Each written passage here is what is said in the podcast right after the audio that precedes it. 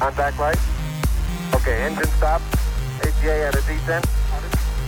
Post control, both auto, descent engine command override off. We copy you down, Eagle. Okay, we're gonna be busy for a minute. Смотри, да, переброс скал. Есть переброс скал. For one priceless moment in the whole history of man, all the people on this earth are truly one. Hej och välkomna till Rymdkapseln. Podcasten som tittar närmare på våra utforskande steg till att lämna jorden och spanar in teknikerna bakom dåtidens, nutidens och framtidens rymdfart. Här i studion har ni Tina Mackin. Och jag, Kalle Centergren. Äntligen Kalle, vi är tillbaka! Ja, det är på tiden. Det var länge sedan nu. Ja. Vet du hur länge sedan det var? Nej, Jag vet exakt hur länge sedan okej. det var. Hur länge sedan? Gissa! Gissa hur länge sedan det var förra avsnittet. Ehm, kom ut. eh, sex månader sedan? Du är fel. Okej. Med sex månader. Det var ett år sedan. Nej. Det var faktiskt ett år sedan. Nej. Jo, på Nej. riktigt. Jo, jag lovar.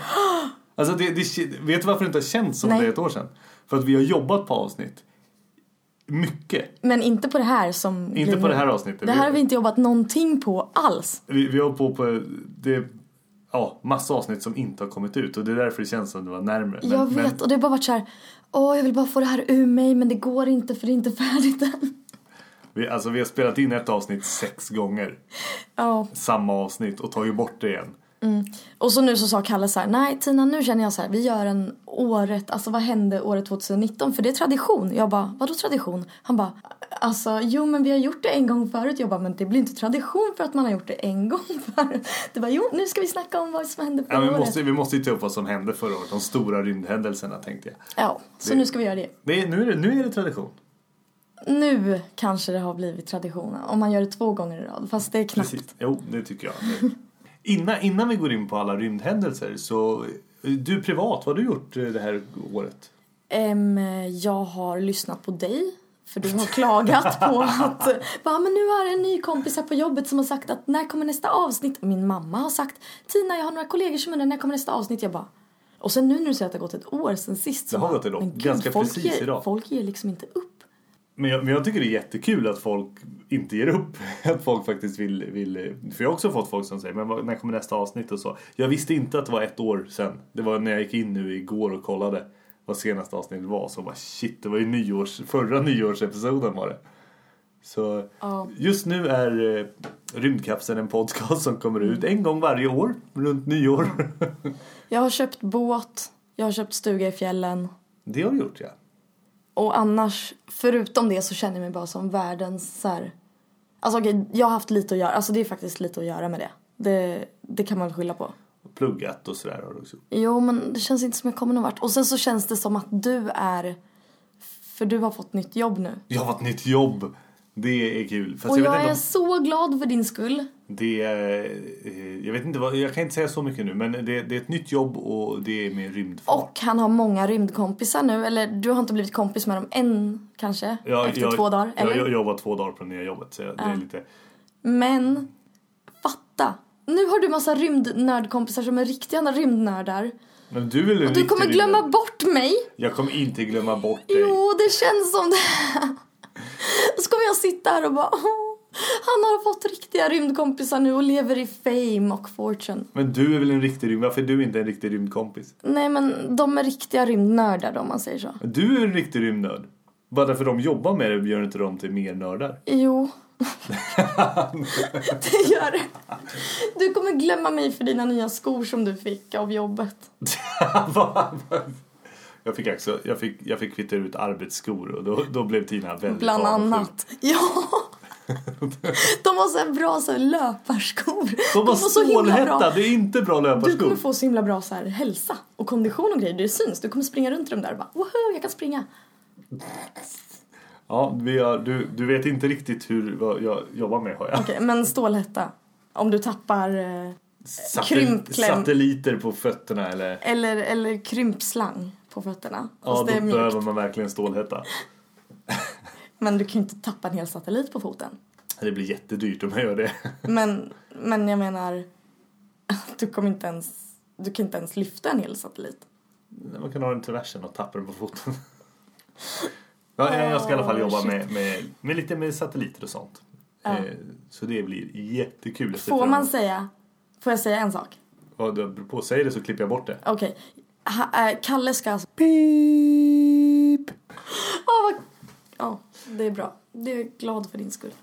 Vi kan väl säga så här att eh, vi får... Eh, jag, jag återkommer lite med jobbet. Jag vill, jag vill låta det sätta sig först och, och sen ska jag berätta mer ingående vad jag, vad jag gör. Beroende på vad jag får säga.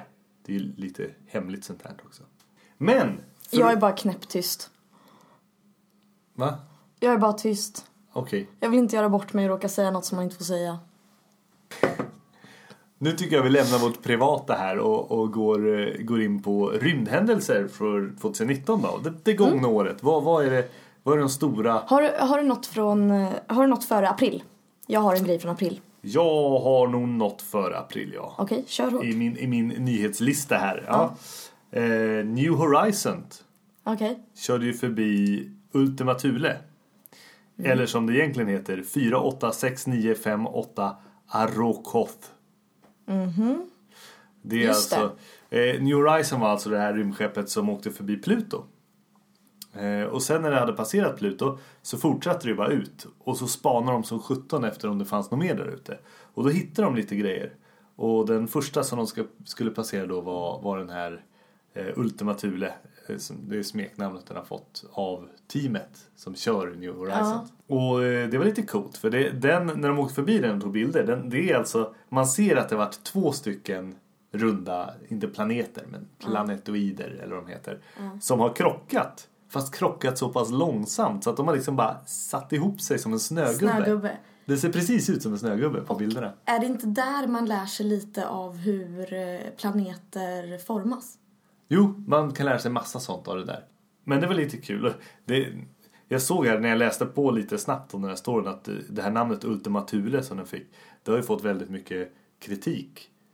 Tydligen, det var lite kontroversiellt för, för det, tydligen använder nazisterna. U- Ultima Thule betyder på latin typ världen längst borta eller landet längst borta. Eh, och nazisterna använder det här tydligen för att säga det är mytologiska platsen där den ariska rasen kommer ifrån.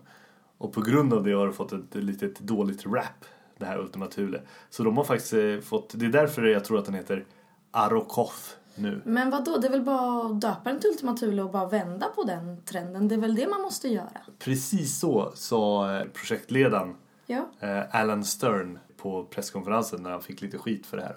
Då sa han att eh, ja, men vi kan ju inte låta dem hijacka det här ordet. Det har ju funnits i flera tusen år innan nazisterna kom. Och använts av både grekiska mytologin och, och av, eh, la- i latinen. Liksom. Ja. Så, så han sa nej men vi struntar i det och använder det här. Men, men han fick väldigt mycket ajabaja för det tror jag. Konstigt. Ja, märkte jag tycker också att vi ska inte låta, bara för att några skurkar De tar väl Använder. alltid så här godhetens tecken i allting, de onda. Och bara, det, Jo, men precis, det är det ju lite man får för att läsa. komma fram liksom. I alla fall, det var lite trivia om Ultima Thule. Himlakroppen. Eh, ja, sen har ju eh, Chang 4 landade på månens baksida. Men det tror jag du också tänker ta upp, eller? Det har vi redan pratat om va? Ja, vi, vi, vi pratade om att de skulle landa Ja. eh, med ett växthus ombord. Just det! Ja, ja, ja, så var det ju. Eh, har du något om den nyheten, eller? Ja, det har jag. Shoot! Nej, men eh, vad heter det, det var ju... Det var ju tre olika nationer i fjol som försökte l- landa på månen. Ja, just det. Och det var en som lyckades. Ja. Ja, och det var Chang E4, landaren. Eh, och då landaren och rovern och de, eh, de slog ner i januari. Slog ner. Slog ner bara BAM! De landade mjukt, gjorde de. Ja, ja. Det var... Men eh, de andra landade hårt. De andra var, åt, de andra var alltså Bereshit. Ja. Eller Breadsheet har jag alltid läst det som, men det var inte Breadsheet, det är Bereshit. Israels Bereshit. Ja. Den, eh, den landade väldigt eh, hårt på månen. Mm. Eh, Den fick problem med, sin, med motorn, sin main descent engine. Vilken motor är det? Ja, den, den, den huvudmotorn de använde för att bromsa. Ja, Okej, så typ broms. Ja, just det, descent. Broms, liksom. Ja, precis. motorn. Eh, den fick de problem med. Och då så krockade de in i Mare Serenitatis. Eller hur Oj. man nu uttalar det. Ja, månnamn är inte så lätta alltid. Ja, det var liksom kanten av den. Det är som Mare, det är ju typ hav eller så här, Ja, just det. De mörka områdena på månen. tänker jag. Ja, precis. Ja, den kraschar ganska snabbt. Det är typ en kilometer per sekund. Serenitatis. Så den gick jättesönder. Eh, Indierna försökte landa också. va? Ja. Chandrayaan 2, landaren och, ro- eh, landaren och rovern. De hette, de, landaren hette Vikram och rovern hette Pragyan. Eh, och de fick mjukvaruproblem.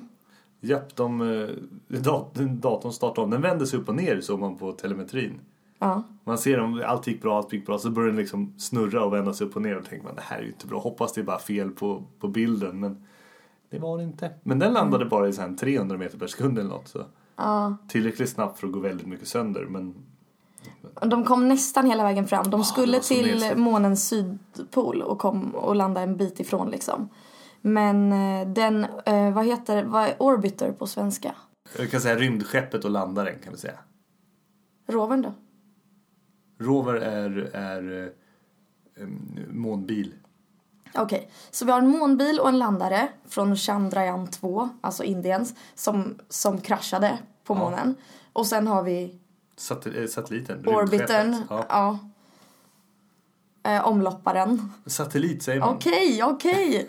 Den som omlopp... Den som Det är satellit! snurrar Det är runt på- månen. Men Det fattar, definitionen av en det fattar satellit. man ju inte lika bra. Ah, ja, okej, okej, det är faktiskt definitionen. eh, den, den klarade sig. Så den håller på att kartlägger månens yta fortfarande idag. Ja, och det, det är faktiskt sant. Där, där kommer vi få massa bra data. Om den har mycket spännande grejer på så. Så det är spännande. Eh, för, att, för att ta sig lite längre ut då. Insight. Den där eh, landaren som landade på Mars som ska känna temperaturen inne i Mars. Och eh, har en seismo, seismograf eh, på planetens yta. Den uppmätte 2019 eh, världens första jordbävning som inte var på jorden. Så den eh, uppmätte en marsbävning. Var det den som vi kunde höra ljudet ifrån? Eller var det... Nej, det var, förlåt. Nej, när de installerade seismografen, då hördes ett ljud som om... Precis, då kunde Som man det var höra, jorden. man kunde höra vinden. Ja. Vinden på Mars då. Genom seismografen, innan de satt på ett lock för den så att den inte skulle höra vinden. Eh, Men den har alltså hört en, en mars, marsbävning.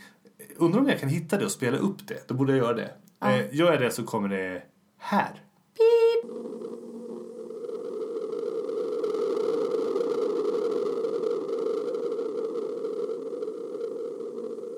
Så så låter en marsbävning. Ehm, ja, det är faktiskt ballt. Ja. Det som inte var så kul med Insight var att den fick problem med sin... Han hade ju en liten eh, mullvad som skulle grävas ner, en liten probe som skulle grävas ner eh, två meter ner i marken. Så de kunde känna värmeflödet upp från Mars kärna. Och den ploppade ur sitt hål. Jättetråkigt. så den eh, helt plötsligt så bara plopp åkte den baklänges upp i hålet igen. Vad hände då? Nej, de vet inte riktigt varför, men det var ju tråkigt. De försöker få tillbaka den i hålet och börja gräva igen, men Den vill inte. den vill inte. Den hoppar upp. Det är som någon trycker upp den igen ur hålet. Någon Mm. liten marsian som sitter där och bara... "Mip, Nej, den här vill inte ha in. Put. Men det är ju ganska mycket så här marsianskt undertryck från under ytan liksom. Det är därför det kan så här svämma upp så här vatten och grejer. Ja, eh, just i det här fallet så är det nog eh, problem med... Det är något med friktionen som de inte har tänkt på på Mars eller något. Så att den inte beter sig som på jorden. Det är en liten vikt som pickar på den, så pickas den neråt hela tiden. Men när den pickar så hoppar den bara uppåt igen. Och de vet inte riktigt varför.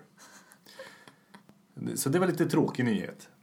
Ja, det var, Att vi kanske inte får, får det var en känna liten gullig värmeflödet. nyhet. Lite, lite gullig och lite tråkig. Ja men vad heter det, Hayabusa 2 pratade vi om för Ja, länge sedan. just det. Japans rymdskepp. Eh, och 2009 så har ju den samlat in prover från asteroiden 162173 Ryugu som jag pratat om. Just det. Eh, Men nu så är Hayabusa 2 på väg hem och eh, så den, det är för att det blir en flyby runt jorden i december. Eh, Men det är i och för sig inte förrän december 2020. Men eh, alltså den 2019 har liksom varit och gjort grejer och eh, eh, sen så ska den hem och eh, koppla bort sin, eh, sin sample eh, return capsule, typ återkomstkapsel eller något. Just det, Eh. han, samlade ju upp, han samlade ju upp massa material från Ryugo. Ja, Som man då ska ta med och lämna till jorden så vi kan Precis. analysera dem här istället. Och, och det kommer de att eh, kasta ut någonstans över Australiens öknen, öken. Det blir spännande. Mm. De hade ju lite dålig... Var det inte japanerna som hade problem med sin förra gången de försökte med så här så öppnade väl sig den? De hade kapslat in allting så kraschade den ner i- så hårt i Australien så att den öppnade sig kapseln den som ska vara helt inslutet. Jag tror det var japanerna. Men då finns det ju mycket att hitta för typ turister och sånt som vill komma och leta. ja, för- ja. Jag tror de hittade allting men det är ju det är ju kontaminerat av Australien då helt plötsligt. Ja, precis. Det tappar ju värde totalt då ju. Måste man ju in under typ de yttre lagren. Så hur långt in går det? Hur långt in går Jag, jag vet kon- inte. contaminationen? Herregud. Eh, SpaceX. Här har vi nyheter. Ja. Som alltid. Med, med två, 2019 var ett, var ett eh, aktivt år. Som alla år är med SpaceX. De är hopplösa. De gör ju nya saker hela tiden. Men eh, de flög eh, sin Dragon 2. Den, eh, det är den eh, rymdkapseln som ska ta passagerare till rymdstationen. Så de flög upp den till rymdstationen och, och ner igen. Utan passagerare då, bara för att visa att de kunde. Sen eh, exploderade den i ett marktest. De skulle testa något och då fick de hela att explodera. Så eh, det var ju bra att de provade det på marken men, men det var lite tråkigt. Boeing Starliner har gjort samma sak. De har, de har också åkt upp till... eh, De försökte åka till ISS men de fick nog fel så de hamnade i fel omloppsbana. Så de eh, återvände efter bara två dagar utan att åka till rymdstationen. Men de kallar ändå det testet för en success, liksom, för en lyckad försök. Men För att den inte exploderade. Nej, jag vet inte. Den, fast Dragon 2 exploderar ju inte när den var där uppe utan bara när de testar med den. De kanske testar den till liksom bristningsgränsen då. Ja, jag vet inte vad, de, vad som hände där riktigt. Det är bra att det, kolla var liksom något, det var något säkerheten. med abortmotorn, alltså avbrytningsmotorn som small. Men alltså en sak om SpaceX bara för att vara så här Ja. tydliga.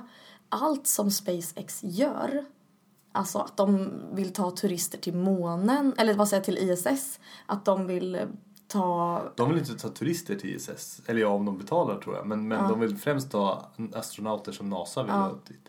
Fast de vill ju börja ta folk på resor ut i rymden. Ja. Ja, de vill ju kolonisera Mars. Nej men förutom det, alltså bara så här för att kunna eh, finansiera en resa till Mars.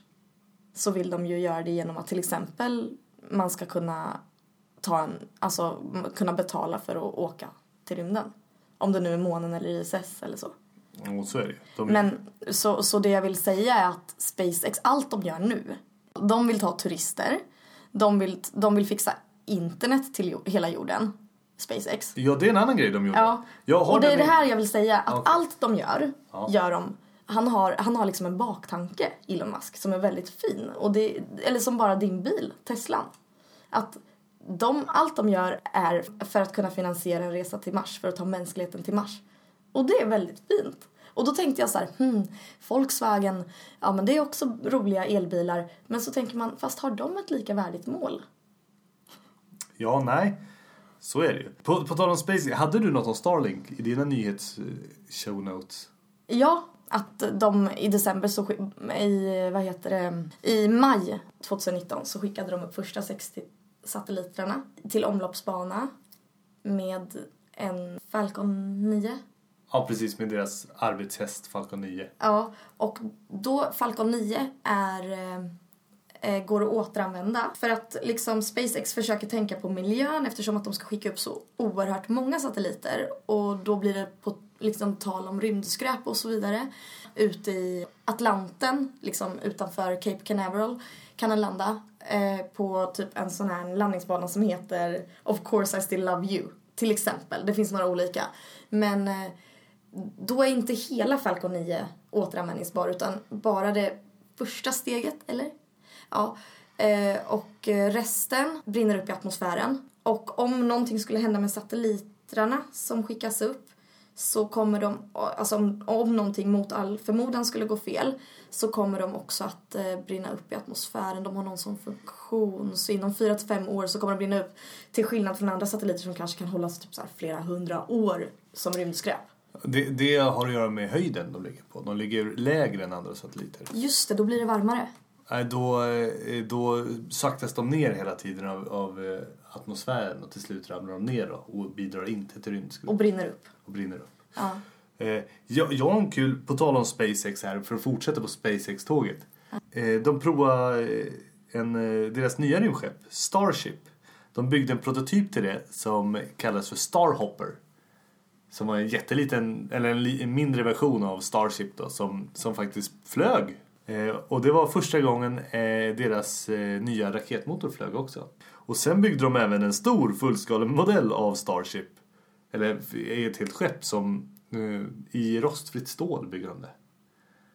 Det är coolt. De har bytt alltså. De, när vi pratade i Dear Moon, eh, podcasten om Dear Moon eh, och deras, eh, deras rymdskepp då. Då var det kolfiber de skulle använda. Men nu har de alltså bytt helt och gjort om hela designen. Så nu är det rostfritt stål hela skeppet byggs i då. Och det låter ju konstigt för det är tungt. Men tanken är då att då behöver de mindre värmesköld. Så för rostfritt stål är väldigt tåligt till höga temperaturer. Så då tillåter de strukturen att bli varmare och använder mindre värmesköld och på så sätt så sparar de massa vikt. Vad heter det, apropå det, de bygger ju också en cybertruck. Ja, En precis. bil, som, en Marsbil som ska kunna resa runt på Mars och som man också ska kunna köpa Det, till det, jorden. det, det kommer den inte göra. Det, det, där, det där var en försäljningsknep. Den där kommer inte åka på Mars. Ja, men, Den är i fel form för ja, men, att vara trycksatt. De har ju sagt det. Nej men det, det är bara en plojgrej tror Ja, men- jag. Nej. De kommer inte kunna ha den på Jaha, men i Då alla kommer det vara fall. en helt annorlunda bil. Men Ja, ja, kanske men att de den ser- utvecklar ju den. Det är klart att det behövs någonting som inte går att slå sönder rutorna på till exempel. Ja, fast, fast om du ska ha den på... Om du skulle sätta Fast nu den på... gick ju den här att slå sönder rutorna på, men ja. Ja, om du skulle sätta den på Mars. Ett, den skulle explodera om du har en bars tryck. Alla rutor hade tryckts ut. Men det var ju för att Två. rutorna hade han inte lyckats med ordentligt, men allt annat höll mycket bättre än en vanlig bil. Ja, men två. Var det rostfritt stål? Du kan inte trycksätta den, du måste ha ett helt system för att trycksätta den. Tre, inget av kylningen, batterikylningen, batteriet skulle frysa. Eh, Var det rostfritt stål? ja, den byggdes av rostfritt stål. Ja, det, det är den nya grejen liksom. Det är Ja. smart, antagligen. Ja. En annat intressant problem, du skulle inte kunna kyla batterierna. Du skulle inte kunna ky- alla kylfläktar och allting som använder luft för att ky- kyla. Det skulle inte funka på Mars för att eh, atmosfären är så mycket tyn- tunnare. Så du kan inte avleda den värmen du skulle behöva. Nu är det väldigt mycket kallare där så det kanske skulle funka ändå. Men, men du, du har massa sådana konstiga problem så du kan inte bara ta en bil och stoppa på Mars och, och så att den funkar. Du får bygga något helt nytt. Ja, men han kommer utveckla det. Han kommer utveckla cybertrucken. Precis som han utvecklar Falcon 9 hela tiden. Den heter fortfarande Falcon 9, men det finns liksom flera versioner av den. Den ena be- eh, liksom bättre än den andra. Ja, kanske att den kommer se ut som en cybertruck men den kommer vara helt annorlunda. Det kan jag köpa. Ja, okej. Vi får se, vi får se. eh, Starship förresten, den de byggde som i fullskala. Den hade en liten... Eh, de sprängde den också. De skulle göra ett trycktest och så provade de den tills den gick sönder. Men alltså gud, det är så himla... Det är nästan lite jobbigt att kolla på honom ibland. Han bara tar sönder saker och sen bara, nej, det här är nyckeln till framgång, att göra misstag. Det är faktiskt deras, lite av deras filosofi. Att eh, de säger... Nasas filosofi är ju eh, failure is not an option. Ja, Elon Musk säger failure is not only an option, it's a necessity. ja. If we're not failing, we're not innovating enough. Så alltså, eh, NASAs ordspråk är ju ja, misstag är inte ett alternativ. Mm. Men Elon Musk säger att mis, inte, ba- misstag är inte bara ett alternativ, det är en nödvändighet. Om vi inte begår misstag, då, då, Försöker vi inte då tillräckligt. försöker vi inte tillräckligt. Ja.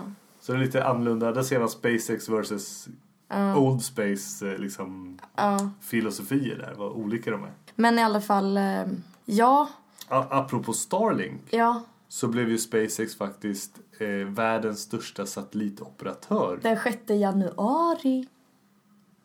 Just det. Det var inte december. Jädra skit, det var fel år. Men i alla fall, de leder nu. Ja, det gör de ja. De leder nu i att ha flest satelliter i omlopp runt jorden. Ja. Ja, det är grymt. Och de, kommer, de, de planerar att- att ta upp eh, 12 000 satelliter i omloppsbana runt jorden i olika orbitalskal, om man säger så. Ja.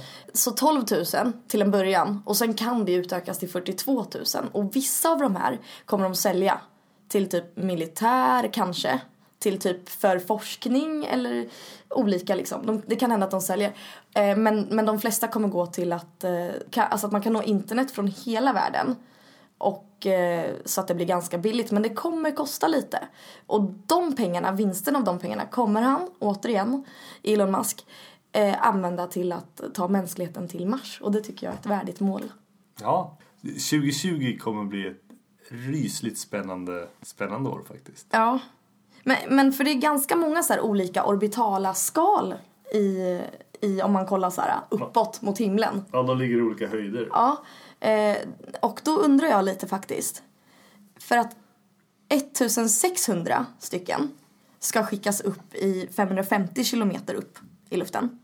De vet jag inte vad de heter eller så, men det har- fyller väl någon funktion. De som skickades upp nu i december, eller nu i, under hela 2019 egentligen, det skickas ju upp, alltså sedan maj ungefär så ska det skickas upp 60 stycken varannan vecka med Falcon 9. Eh, och det är så här, de bara pepprar liksom. Men Man kan se som så här långa svansar på himlen. Jag måste bara ta det, jag måste bara säga att folk är så här oroliga. Och faktiskt vart jag också lite orolig när jag såg det. Att om det blir långa så här äh, satellitsvansar på himlen med massa prickar som ser ut som stjärnor. Vi vet ju det när man bor i stan, man kan inte se stjärnorna för att ljuset är i vägen. Och liksom alla lampljus är i vägen, så man kan inte se stjärnorna. Vad händer om man pepprar hela himlen med satelliter? Kommer vi kunna se stjärnorna? Ja, jag har sett ganska många artiklar om det där också. Det folk gör fel här är att det är precis när de skjuter upp dem. Då ligger det 60 satelliter efter varandra i ett tåg. Precis. Då syns de jättetydligt för det är ett helt tåg av satelliter. Så kommer de inte ligga när de, när de är i sin optimala höjd. Nej. Då kommer de ligga, alltså man, har man tur ser man två på himlen samtidigt. Men, För ja. de är så långt ifrån varandra. Eh, och sen eh, syns de bara så väl i eh, strax efter skymning. Sen så skuggar jorden dem och då ser de inte. För de ligger så lågt. Det är ett problem som är just när man skjuter upp dem. Och eh, strax efter skymning eller strax före soluppgången. Okej. Så jag, jag är inte så orolig. Nej, nej men okej. Men, Men det, det är en... eh, eh, Man kan ju se dem nu, satelliter. Det, det kommer se precis likadant ut som med de gamla satelliterna. Bara lite oftare då. Ja, ja, mm, mm. ja, ja. Men i alla fall, 1600 satelliter kommer de skicka upp 550 meter upp i luften. Kilometer. kilometer. Annars bara boink. Okej. Men eh, vad heter det? Jag vet inte varför, jag vet inte vad de heter. Men sen finns det några andra som de sk- kommer skicka upp 2800 stycken som de kommer skicka upp eh, eh, 1150 kilometer. Och de heter, eller så här, de heter Q och K-bandspektrumsatelliter. Vet du vad det betyder? Eller är det något du kommer få lära dig att återkomma med?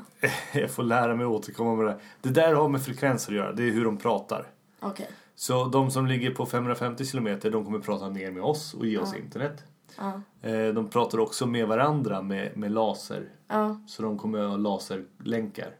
De som ligger över ska, vad jag förstår, prata med de satelliterna som ligger under dem. Just det. Men kanske också med oss. Ja, jag vet faktiskt inte. Det, de ändrar sin plan hela tiden och, och de är lite hemliga. Så jag vet inte. Men laserlänkarna, det är de som kommer kommunicera ner till jorden också. Nej. De pratar radiovågor ner till jorden, laserlänkar mellan satelliterna. För laserlänkar funkar inte så bra att skicka ner till jorden för det finns ju moln och sånt i vägen. Eh, Så då kör vi radiovågor upp till första satelliten och sen så pingar den vidare vår internetpaket liksom, från en satellit till en annan runt jorden. Fördelen med det här är att eh, ljus färdas snabbare i vakuum än det gör i en glas. Så i fiberkablarna går ljus långsammare. Ljuset går långsammare där. Så även fast vår signal måste åka upp till en satellit och sen runt jorden på utsidan, ytterkurvan. Så eftersom luft, ljudet, ljuset går 40% snabbare i luften så kommer det fram snabbare än fiberkablarna i alla fall. Det, det är det här jag tror eh, Starlink kommer tjäna pengar. Ja. För de kommer sälja, de första som köper Starlink-kopplingar kommer vara aktiebolag, eller aktiehandlarbolag.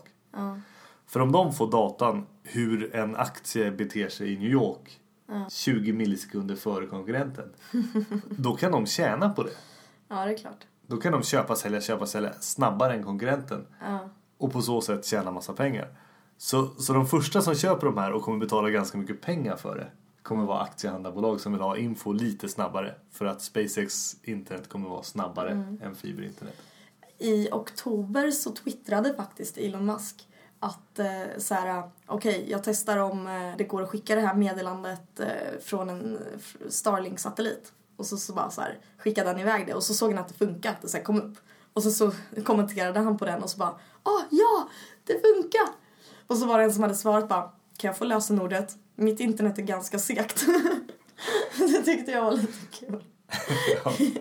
det första liksom. Ga- ganska dåligt med bara två satelliter uppe som han hade då. Det var ju två testsatelliter han hade uppe. Men Ja. eh, han, han sa faktiskt eh, nu efter den senaste här i januari så fick han frågan hur många uppskjutningar till innan du kan börja sälja internet? Och då sa han at least four. Ja, det är inte mycket. Det är inte mycket, fyra uppskjutningar till. Då kan han börja sälja internet. Det är alltså 180 satelliter till han behöver. 60 gånger 4. Ja. Men vad 17 ska han upp alltså 12 000 eller kanske 42 000? Alltså det känns så här orimligt mycket. Det är bra att de går att återanvända. De, det mesta av det och att det andra inte blir rymdskräp så jättelänge. Ja, Fast ja, det är så stora mängder liksom. Så här, ofattbart. ja det är cirka 4000 satelliter i omloppsbanan nu. Aktiva. Ja, Och han ska upp med fler än, än mer än dubbelt. ja. Ja, det är märkligt. Men eh, hoppas han tjänar mycket pengar och tar mänskligheten till Mars utav dem då. Får vi- Det var alla nyheter jag hade på min skärm för 2019. Ja, jag har... Ja, nu! Jag har en jättebra nyhet, Kalle. Du kommer typ... Alltså, du kommer, du kommer inte tro att det är sant. Berätta, nu är jag nyfiken. Okej. Du kanske redan vet om det här förresten. Du, du hoppar upp och ner. Va? Nu får du berätta. Nej, men eh, den 10 april 2019 så tog astronomer fram den första bilden någonsin av ett svart håls silhuett. Och det gjorde de med ett teleskop som var lika stort som hela jorden tillsammans. Och eh, eh, vad heter det? Det kanske man tycker låter så här, va? Hur kunde ni skaffa ett sånt stort teleskop? Lika stort som jorden, det går ju inte. Men då så eh, använder de... Eh, det finns liksom ett, ett projekt som heter Event Horizon Telescope och det är ett globalt samarbete med mer än 200 forskare som använder eh, massa olika liksom, observatorier som är spridda över hela världen. Och de har liksom jättekraftfulla radioteleskop som de kan synkronisera med varandra och, och då kan de arbeta tillsammans och det förbättrar deras upplösning att de arbetar tillsammans. Och eh, så, så eh, liksom alla tillsammans blir bättre än vad ett enda teleskop skulle kunna uppnå. Dessutom att det är så enorma så här, avstånd mellan alla installationer i det här Event Horizon eh, teleskop, eh, liksom alla deras eh, observatorier. De avstånden, det ö- ökar också effektiviteten på, på liksom vad man får fram, vad man kan se och så. Så det är så de gjorde. Och då så tog de, då så stirrade alla de här eh, 200 stycken på ett eh, svart hål eller på kanten typ av det. För att de kollar så här på, förut kunde man typ kolla på en stjärna och bara det är något konstigt med den här stjärnan. Den går i omlopp runt någonting som är väldigt konstigt. Vi vet inte vad det är. Vi har aldrig kunnat ta en bild förut någonsin på ett svart hål vi tänker inte på det så ofta. Men vi pratar om svarta hål ofta. Men vi har aldrig sett det och vet inte ens vad det är. Liksom, vi kan inte föreställa oss det. Men nu så har de riktat de här 200 teleskopen i två års tid gjort det. Bara så här, eh, jättesegt foto. 2017 var det klart och sen så tog det två år för dem att eh, framkalla bilden och 2019 så kom den i april. Mm, det är coolt. Det, det är ri- riktigt... Eh... Alltså det är så fränt, en, ett svart håls silhuett. Och då är det så här, det ser ut som en, ett, en någonting, eh, det, det, det, det, bilden, den ser ut som ett typ cirkulärt tomrum. Alltså det är helt stört. Omgivet av en sned ring av ljus. Bra beskrivet. Ja, det var så här, what, det kan inte hända. Ehm, men, men om vi är inne på astronomi har jag en favorit, eh, favorithändelse. Det är inte riktigt rymdfart men, eh, men eh, det är astronomi skulle jag vilja säga att det är. Typ. ja, Som jag tycker faktiskt kan vara årtiondets största, eller år, ja, kanske århundradets största men hallå, vill du inte eh, fråga, observation. vill du inte fråga vilket svarta hål det är? Vilket svarta hål är det? Ja, precis. Jo, att... Det är jättefränt. Jag vet inte själv exakt vad det heter. Men jag vet att typ mer än... Alltså för de försökte ta på ett svart hål i Vintergatan. Men det är för nära. Det är jättesvårt att ta kort på det. Eh, Så det var lättare att ta på granngalaxen. Och det är mer än 50 miljoner ljusår bort. Och eh, då så finns det... Då är det en galax som heter... Jag vet inte om det är granngalaxen men det är en galax. det Andromeda? Vintergatan. Gatan. Nej, det är det inte, så det är inte Granngalaxen. Men det är en jättestor elliptisk galax som heter Messier 87. Och det är typ, alltså tänk ett gigantiskt odjur som bara äter allt som kommer i sin väg. Så den äter typ damm, stjärnor, planeter, ljus som svarta hål gör. Ja, lite i deras natur. Och, eh, och det är liksom så här, det är lugnt tills du passerar tröskeln som heter Event Horizon, händelsehorisonten. Så passerar du händelsernas horisont så bara pff, det, det är kört.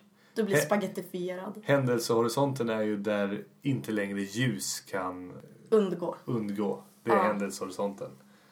Och det här supermassiva typ svarta hålet det innehåller samma massa som 6,5 miljarder solar.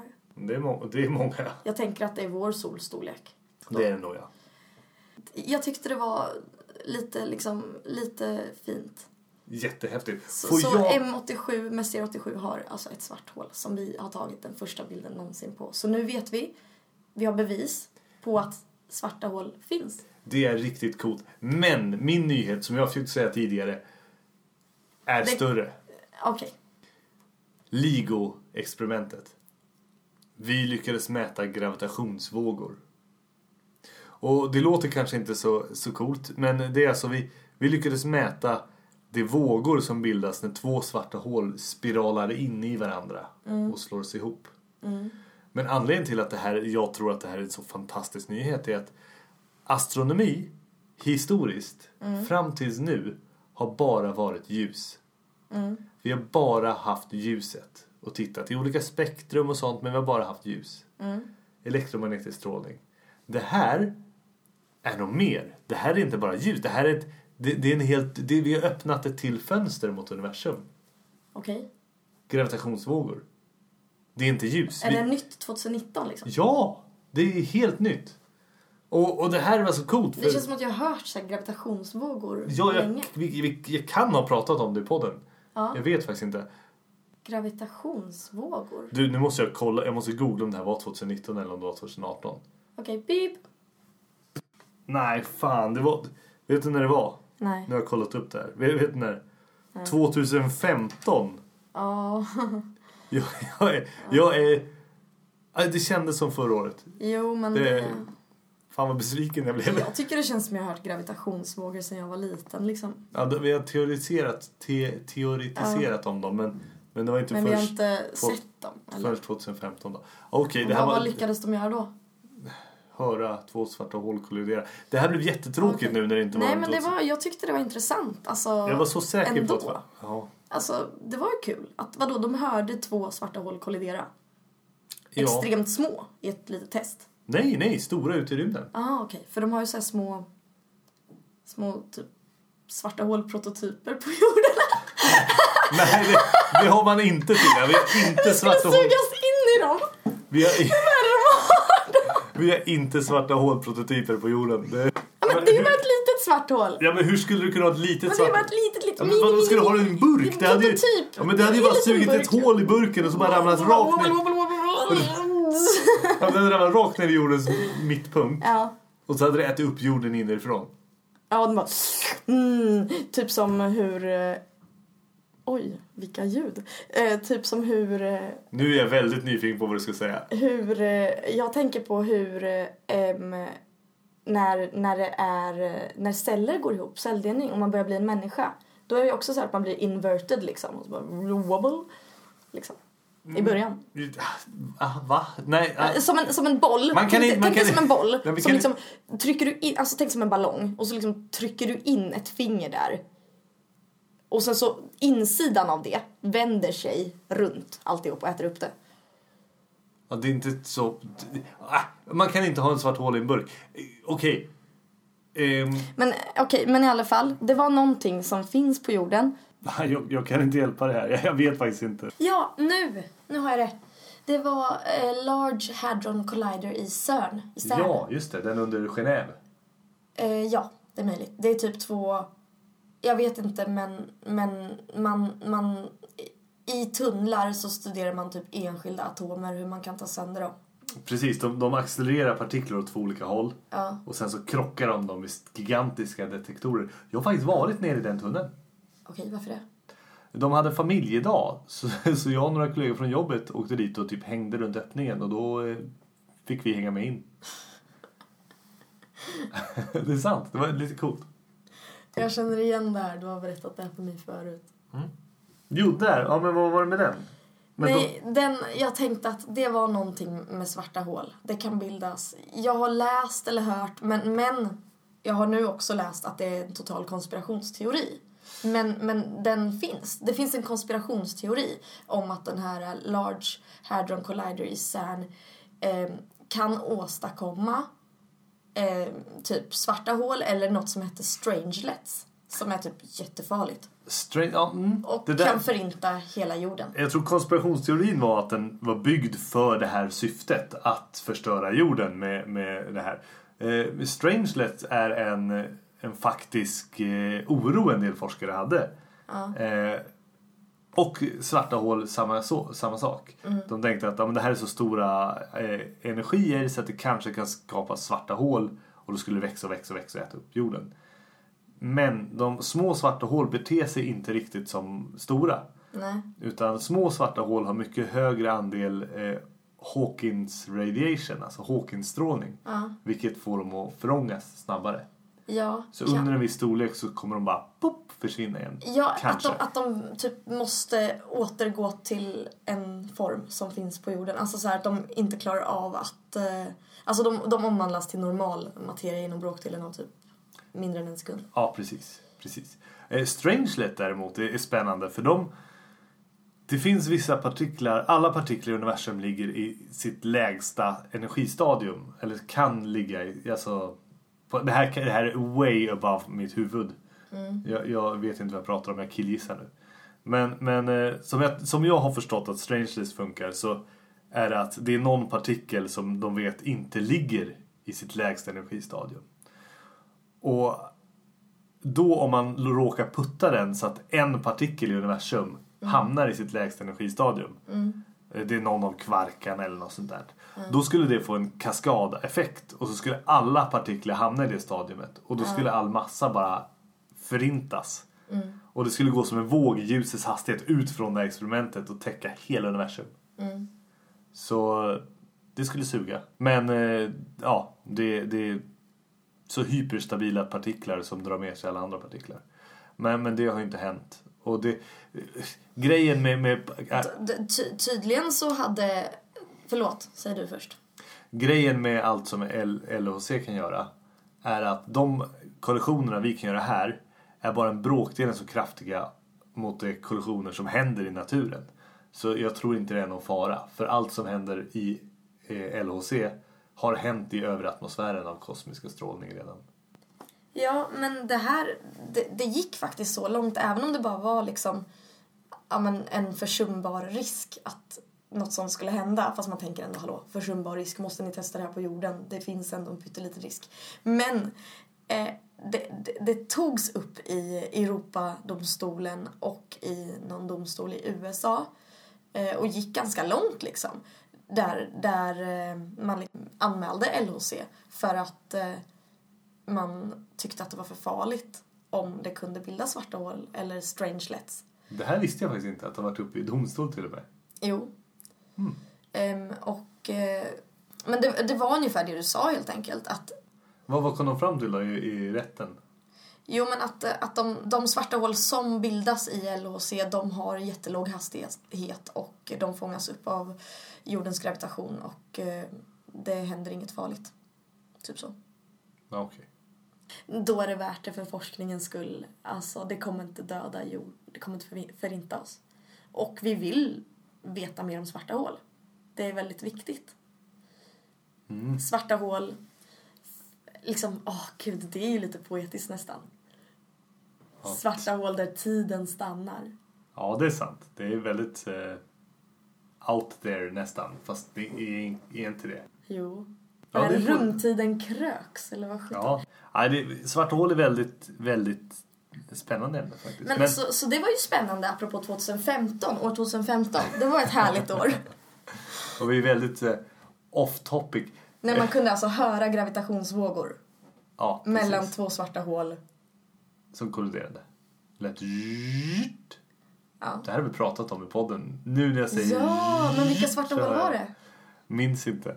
Men eh, i alla fall. Det här är lite utanför rymdkapseln till och med. Och definitivt utanför 2019, 2020. Vad, vad var dina nyårslöften? Får man fråga det? Jag hade ju ett. Nej, jag vet inte. Jag har inget. Inga. Jag hade ett nyårslöfte. Ja. Att vi skulle släppa fler poddavsnitt än bara ett i år. Men vi släppte ju inte bara ett förra året. Det var ju då vi hade några. Nej, nej, okej, du tänker Förra så. året, förra året släppte vi bara ett. Just det. var Jag nyårs... fattar vad du nyårs... menar. Ja, ja. Jag räknar inte med det året. Det, det, det är ett svart hål. I året innan det släppte Men vi. i år så lovar jag lovar alla att det ska vara mer avsnitt. Mer avsnitt i, i år ska det göra. Men jag tyckte... Jag, jag vill, jag, det finns något annat som är som en liten twist på det här att prata om 2019. Ja. Och, och det vill jag prata med dig om. ja. För, för det är så Shoot. himla coolt. Det känner säkert alla rymdnördar redan till. Och kanske bara tycker det är så här blaj blaj. Men det finns en kosmisk kalender. Ah, du har tittat på Kosmos igen, har du det? Ja. Carl Sagan som är väldigt bra på att kommunicera rymd, alltså astronomi med så här vardagsfolk.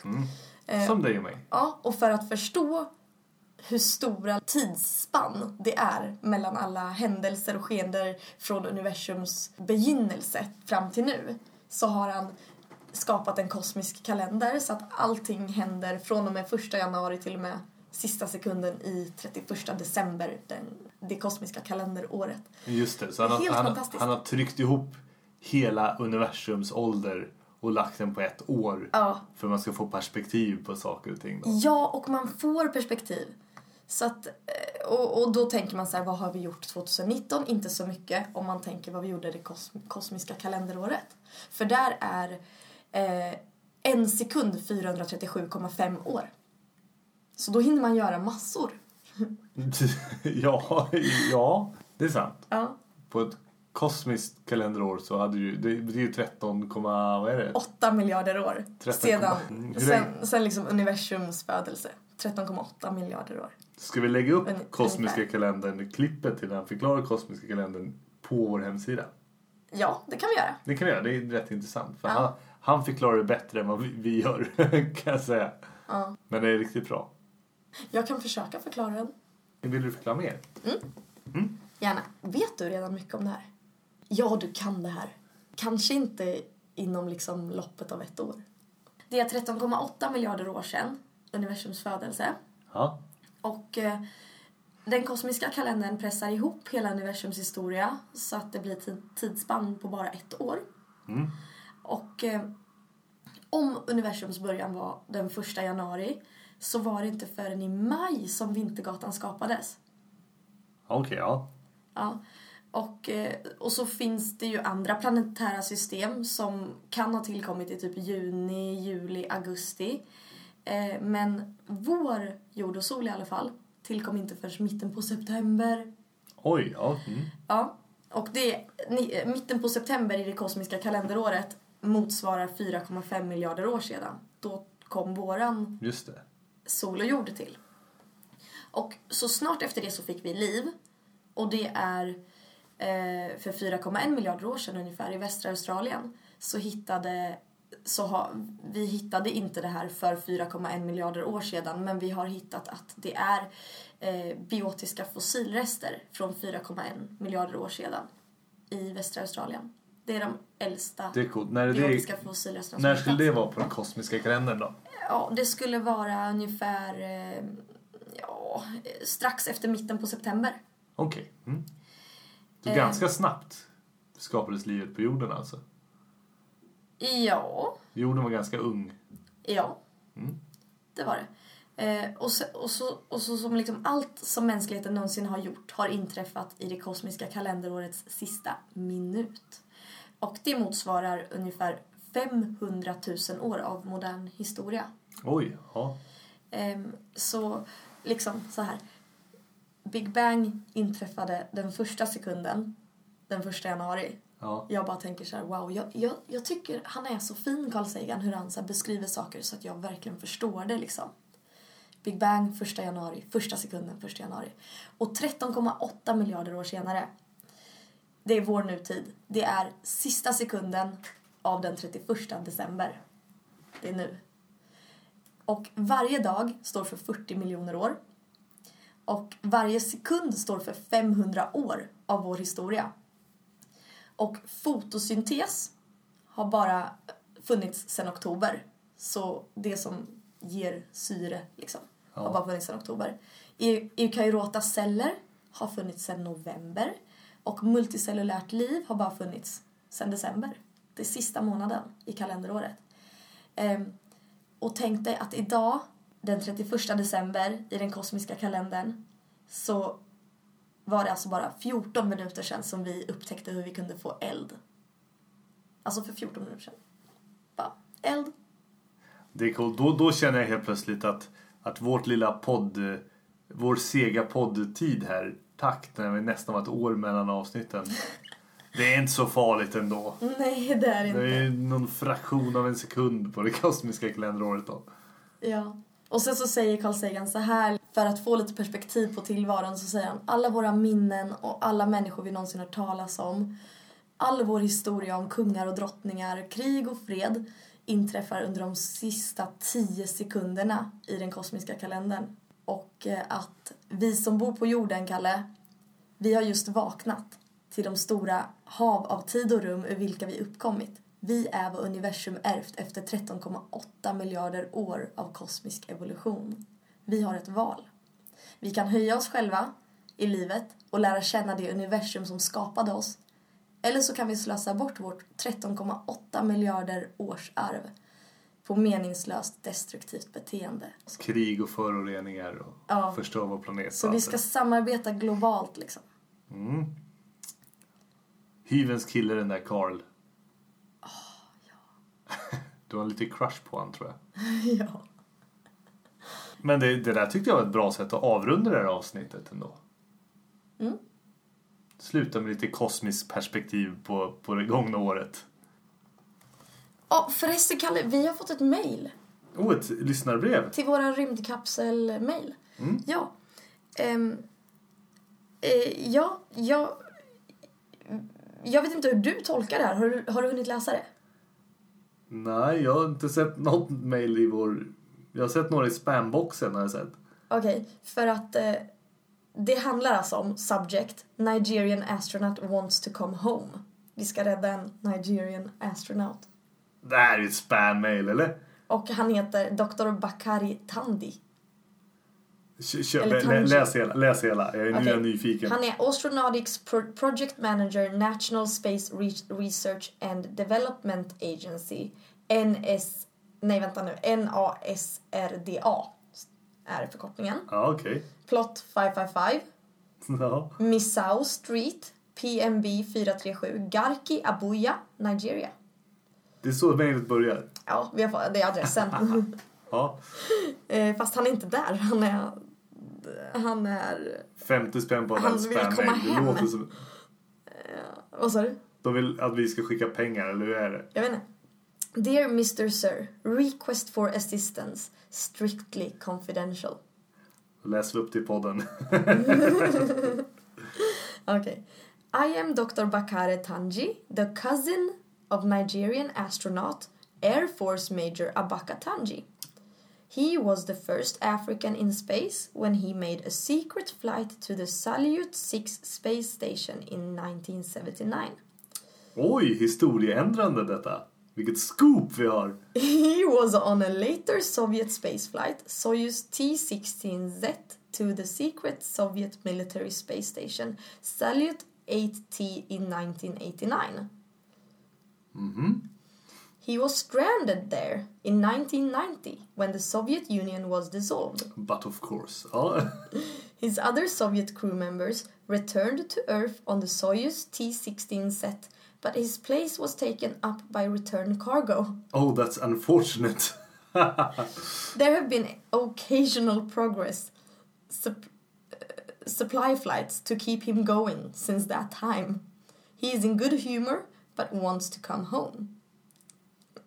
Han har, vänta nu, vänta nu. Det här, vi får det här 2019. Ja.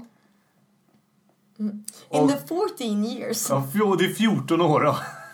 In the 14 years since he has been on the station, he has ac- accumulated flight pay and interest amounting to almost 15 uh, million American dollars. This is held in a trust at the Lagos National Savings and Trust Association. If we can obtain access to this money, we can place a down payment with the Russian space authorities for a Soyuz return flight to bring him back to Earth. Såklart. I am told this will cost 3 million American dollars. In order to access the, the his trust in order to access the his trust fund, we need your assistance. Såklart! Consequently, my colleagues and I are willing to transfer the total amount to your account or subsequent disbursement since we as civil servants are prohibited by the Code of Conduct Bu- Bureau civil ser- service laws from opening and or operating foreign accounts in our names. Mm. Det låter väldigt så här, auktoritärt. Ja, men det är klart att de behöver våran hjälp som podcast och rymdexperter då för att få ut de här pengarna. Hur kan vi hjälpa? Vad får... Civil servants prohibited by the Code of Conduct Bureau. Wow. Needless to say, the trust reposed on you at this juncture is enormous. In return, we have agreed to offer you 20% of the transferred sum, while 10% shall be set aside for incidents, incidental expenses, inom parentes internal and external between the parties in the course of the transaction. You will be m- mandated to remit the balance 70% to other accounts in due course. Kindly expedite action as we are behind schedule to enable us include down payment in this financial quarter. Please acknowledge the receipt of this message via my direct number. Ja, de vill att man ska ringa så att de får ens kontonummer. 234 0934. Yours sincerely, Dr. Bakare Tanji, Astronautics Project Manager at nasrda.gov.ng, Nigeria. Alltså, Alltså, jag vill... det här är ju briljant. Det här är ju så här klassiskt... Eller inte, det här är ett... Det här är ett typiskt så här, Nigeria-brev är ju en term man Men, använder för de här... nej. Jo, jo. Det är ju lite elakt kanske. Ja, ja, men det säger man när man har fått ett Nigeria-brev. Då är det från någon prins i Nigeria som vill ha ut pengarna och de ska skicka alla pengar till ditt konto. Och det de tjänar pengar på, för det här är ju ett scam, är ju att de säger ja ah, vi ska skicka de här pengarna men det blev en fel så vi måste betala avgiften för att kunna skicka de här pengarna. Och, det är på, och så är det på något litet så här 200 spänn eller något. Ja. Och så skickar man 200 spänn och så hör man aldrig av dem något mer. Det roliga med, med det här är att det här är ju ett väldigt rymdspecifikt spammail. Ja, att han är fast liksom på ISS. Jag har aldrig hört en, någon sån här... eh, Alltså det här är så jädra kul att vi har fått det. För det här är ju... Nej men det här är ju rymdspecifikt. De har ju alltså De har liksom sökt upp oss. targetat eh, rymdnördar kanske. Jag vet inte. Så sökt på v- vad är space? El- Eller så är det bara en på olika slump. språk. Eller så är det bara en slump att vi fick in det bara för att de skickar, till, de, skickar de här till miljonerna. Men jag, jag tycker det här är så jävla roligt för alltså, det är nästan som man ska ta och ta det här mejlet och göra en tv-serie om det här. bara för att... För, för Eller så kan man bara gå vidare. Alltså bara så här, jag har sett astronauten och han finns på riktigt. Och så blir det värsta konspirationsteorin. Det är synd att vi inte kan ringa numret. Alltså, eller ska vi få prova? Men Ja, men alltså för han, jag tror det kanske var bara det. Och sen, jag vet inte, vi kan prova lägga på en nigeriansk eh, code, eller vad heter det, landskod då. Och ringa det. ja, fast det kommer ju kosta oss. Du, det är värt det. Men hur tar de pengar? Nej men det är ju, de vill ju transfera pengar. alltså. Ja, men hur kan de ta pengar bara för att man ringer ett samtal? Nej men det gör de inte. De, men de kommer försöka bygga lite förtroende. Ja, ja. Och sen kommer de säga att vi ska skicka de här pengarna. Och sen kommer det vara något, nej vi kan inte skicka dem för det blev, vi behöver betala den här fin och det kan inte vi göra för att vi är simple servants. Så, vi bara får ringer man inte- så här, de sitter där helt förberedda. De bara, ah, vi kan facetima. Och så har de så här, satt upp lite så här eh, plastpalm och lite så här bakgrundsljud, bakgrundsmusik, vattenfall. Varför så skulle de ha en Oh, plastpalm?" I am the Nigerian cousin of the prince eller vad det var. Ja. Of the astronaut. Ja, det, det är jättekul. I'm Jag- sitting here in my lounge right now just waiting to send you some money. Alltså, Vi, vi, typ kan, sådär. vi kan väl varna folk att eh, de kommer aldrig skicka er pengarna. Gör inte det här. Men eh, ja, jag är i alla fall väldigt Mm. Men- roligt. Det är ju nästan rymdrelaterat. Ja, men, eh, men i alla fall så gott nytt år.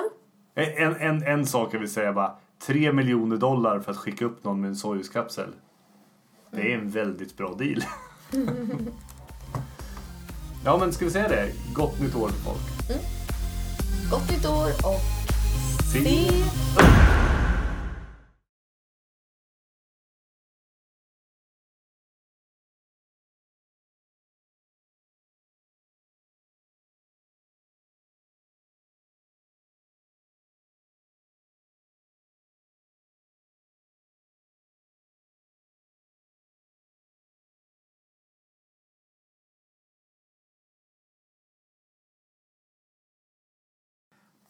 Fast- Så där, det var ett väldigt bra avsnitt. Ja. Mm, Nu är vi igång igen. det är Mm. det här. N- Nattdags nu, det blev lite sent som vanligt. godnatt. Godnatt.